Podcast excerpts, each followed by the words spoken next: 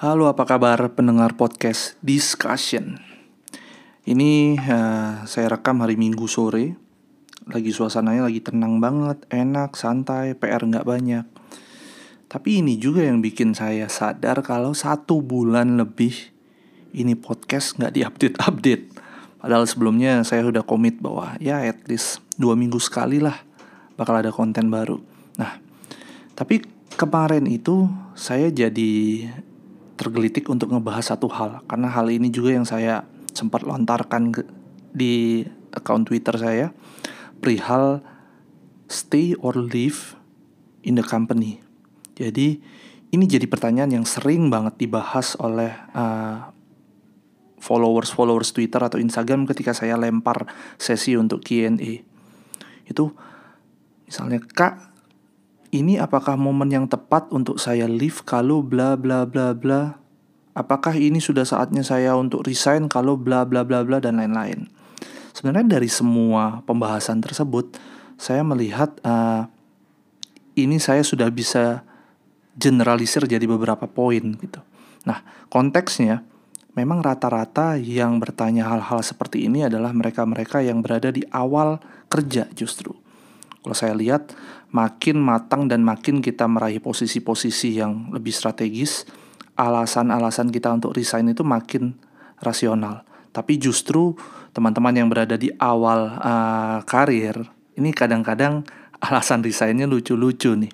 Nah, di podcast ini saya berencana untuk memberikan beberapa contoh skenario dan sebenarnya apa yang harus kita uh, ambil sebagai jalan keluar, apakah stay atau leave dari company. Sedikit ngebahas nih, kalau misalnya refleksi dari karir saya sendiri, saya itu udah di beberapa perusahaan ya, mungkin termasuk yang cukup sering pindah juga. Dan alasan resign itu bisa beda-beda. Contohnya ketika di Bakri Telkom itu saya resign karena memang salah satu bos saya dulu mengajak saya untuk masuk ke company baru tempat di mana dia berkarir dan membangun satu hal yang besar.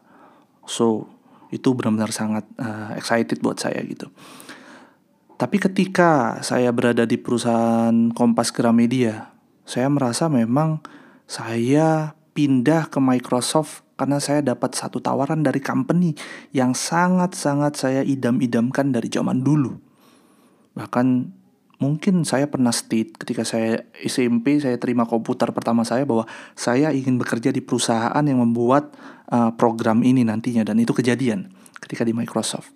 Nah, ketika dari Microsoft move to Telkomsel itu murni ketika saya dapat responsibility yang sangat oke okay dan uh, kesempatan untuk bermain di playground yang sangat uh, open terhadap inovasi. Dulu di Telkomsel kita ditantang untuk bikin produk-produk digital advertising yang benar-benar konsepnya itu bisa disiapkan dari nol.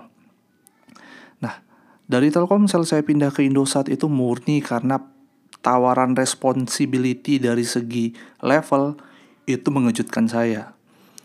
Dapat posisi sebagai GM termuda di perusahaan telco di umur 26 tahun, wah, itu memang cukup membuat silau sih. Tapi nanti saya mungkin ada sesi khusus menceritakan bahwa keputusan tersebut bisa jadi tidak sepenuhnya benar. Nah, ketika move to uh, Gojek dan Loket itu murni ketika saya mulai melihat yang namanya visi sebuah perusahaan itu itulah jadi bisa jadi alasan yang cukup clear untuk kita pada akhirnya memutuskan untuk kerja di perusahaan tersebut. Nah, tapi hari ini saya bakal coba membahas beberapa skenario-skenario yang memang sering dijadikan alasan beberapa orang untuk akhirnya mengajukan resign. Dan saya akan sisipkan beberapa pendapat saya bagaimana cara yang paling ideal untuk menghadapi kondisi-kondisi seperti ini. Oke. Yang pertama, saya sering sekali mendengar mungkin para pendengar juga di sini sering mendengar bahwa alasan untuk resign adalah gaji atau benefit yang jelek. Nah, ini menarik nih karena khusus pada skenario yang ini saya bisa full 100% menyalahkan mereka-mereka yang resign karena mereka merasa gaji atau benefitnya jelek. Kenapa? Karena sebenarnya kita diberikan kuasa untuk say yes or say no di awal atau di masa negosiasi. Kita juga diberikan kuasa untuk menawar. Dan kita juga diberikan kuasa untuk bertanya dan membaca detail kontrak. Sehingga ketika seseorang sudah menandatangani satu kontrak untuk bekerja dan ketika dia kerja dia memproteskan perihal gaji atau benefit, ini sesuatu yang agak menggelikan sih buat saya. Beda cerita apabila kasusnya ternyata perusahaan itu memberikan sesuatu yang tidak sesuai dengan kontrak yang Anda tanda tangani. Wah, ini baru problem. Tapi apabila this is just because of oh, setelah saya pikir-pikir lagi kok gaji saya kecil ya. Saya ngajuin desain deh. Wah, itu benar-benar kondisi di mana menurut saya itu sangat tidak ideal sih. Yang harus Anda lakukan saat itu adalah bekerja dengan sangat serius, membuktikan diri, agar Anda bisa cepat mengubah hal tersebut. Agar Anda bisa cepat naik gaji or uh, dapat penambahan benefit atau dan lain-lain gitu. Apabila Anda sudah berkontribusi maksimal, tapi proses uh, manajemen untuk apresiasi itu itu sangat jelek atau memang tidak ada pet yang jelas, oke. Okay, mungkin ini bakal jadi alasan yang berbeda dan alasan yang masuk akal untuk anda akhirnya mencari perusahaan lain atau resign gitu. Nomor dua, penggambaran karir pet atau persiapan karir pet yang jelek dari sebuah perusahaan. Nah, tapi sebelum saya bahas ini, ingat, ada kondisi di mana sebenarnya karir pet di perusahaan tersebut bagus, tapi memang karyawannya saja yang pada doyan menyalahkan. Memang mereka belum uh, kompeten, tapi mereka menyalahkan kenapa ini karir pet saya di sini nggak jelas.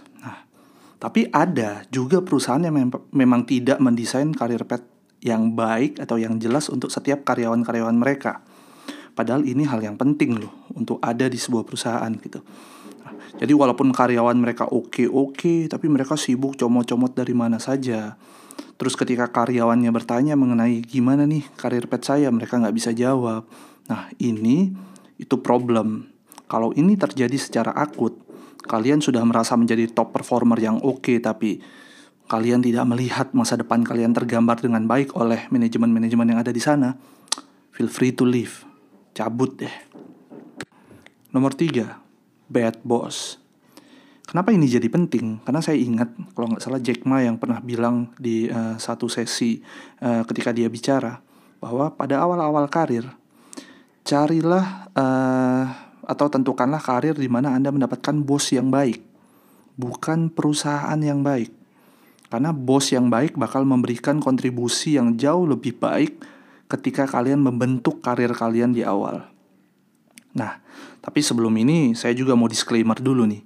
Jangan sampai kalian judge ini pada kondisi di mana memang karyawannya yang jelek, kebetulan bos mereka berseberangan dengan mereka gitu loh ini bukan konteks bos yang jelek.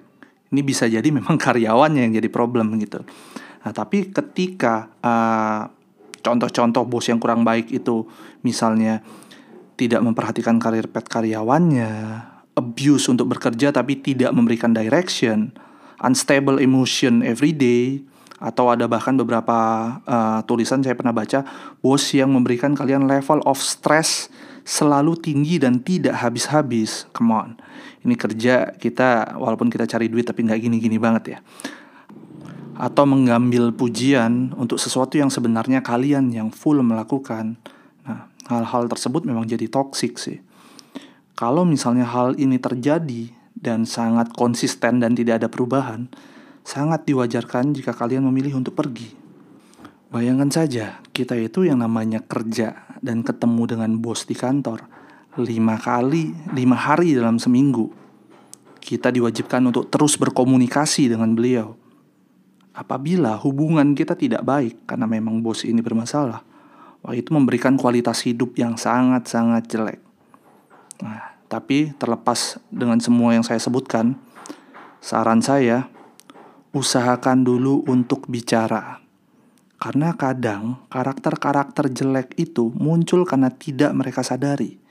ketika kita memang ada kesempatan untuk berbicara dan mereka menyadari itu, ada kemungkinan untuk pada akhirnya mereka merubah sifat-sifat yang pada akhirnya membuat kita tidak nyaman tersebut. Gitu. Dan nomor terakhir, ketika kalian merasa tidak ada lagi yang bisa dipelajari dari sebuah ekosistem atau dari sebuah company. Tapi ingat, untuk part ini, please make sure tidak ada lagi yang bisa dipelajari means kalian sudah berusaha atau kalian memang sudah explore, kalian sudah total uh, mengambil learning dari sebuah perusahaan dan berkontribusi terhadap perusahaan tersebut. Nah, ini juga nih karena kadang-kadang tidak ada lagi yang bisa dipelajari, tapi ternyata memang karyawannya memang tidak maksimal untuk belajar. Oh, ini beda. Nah, tetapi memang kalau misalnya kalian sudah berkontribusi penuh, terus uh, kalian sudah mencoba mencari eh, hal-hal uh, atau learning-learning yang baik untuk diri kalian atau untuk karir kalian dan memang sudah tidak ada.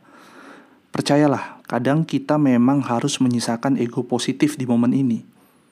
Yaitu kita berpikir untuk diri kita sendiri juga. Mungkin dari waktu-waktu yang sudah kita habiskan akan sangat masuk akal jika kita justru resign, pindah ke ekosistem atau ke company lain di mana kita bisa belajar lebih banyak dari uh, ekosistem atau company tersebut gitu. Oke. Okay?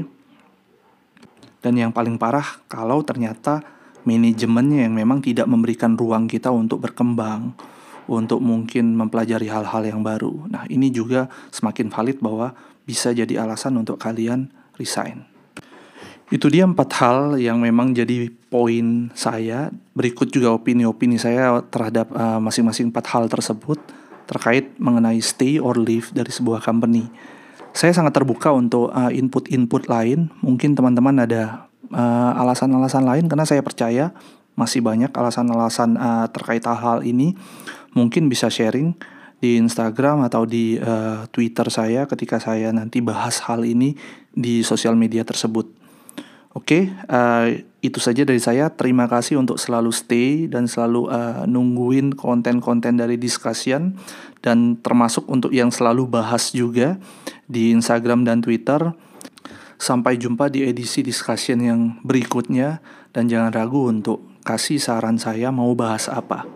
Terima kasih. See you.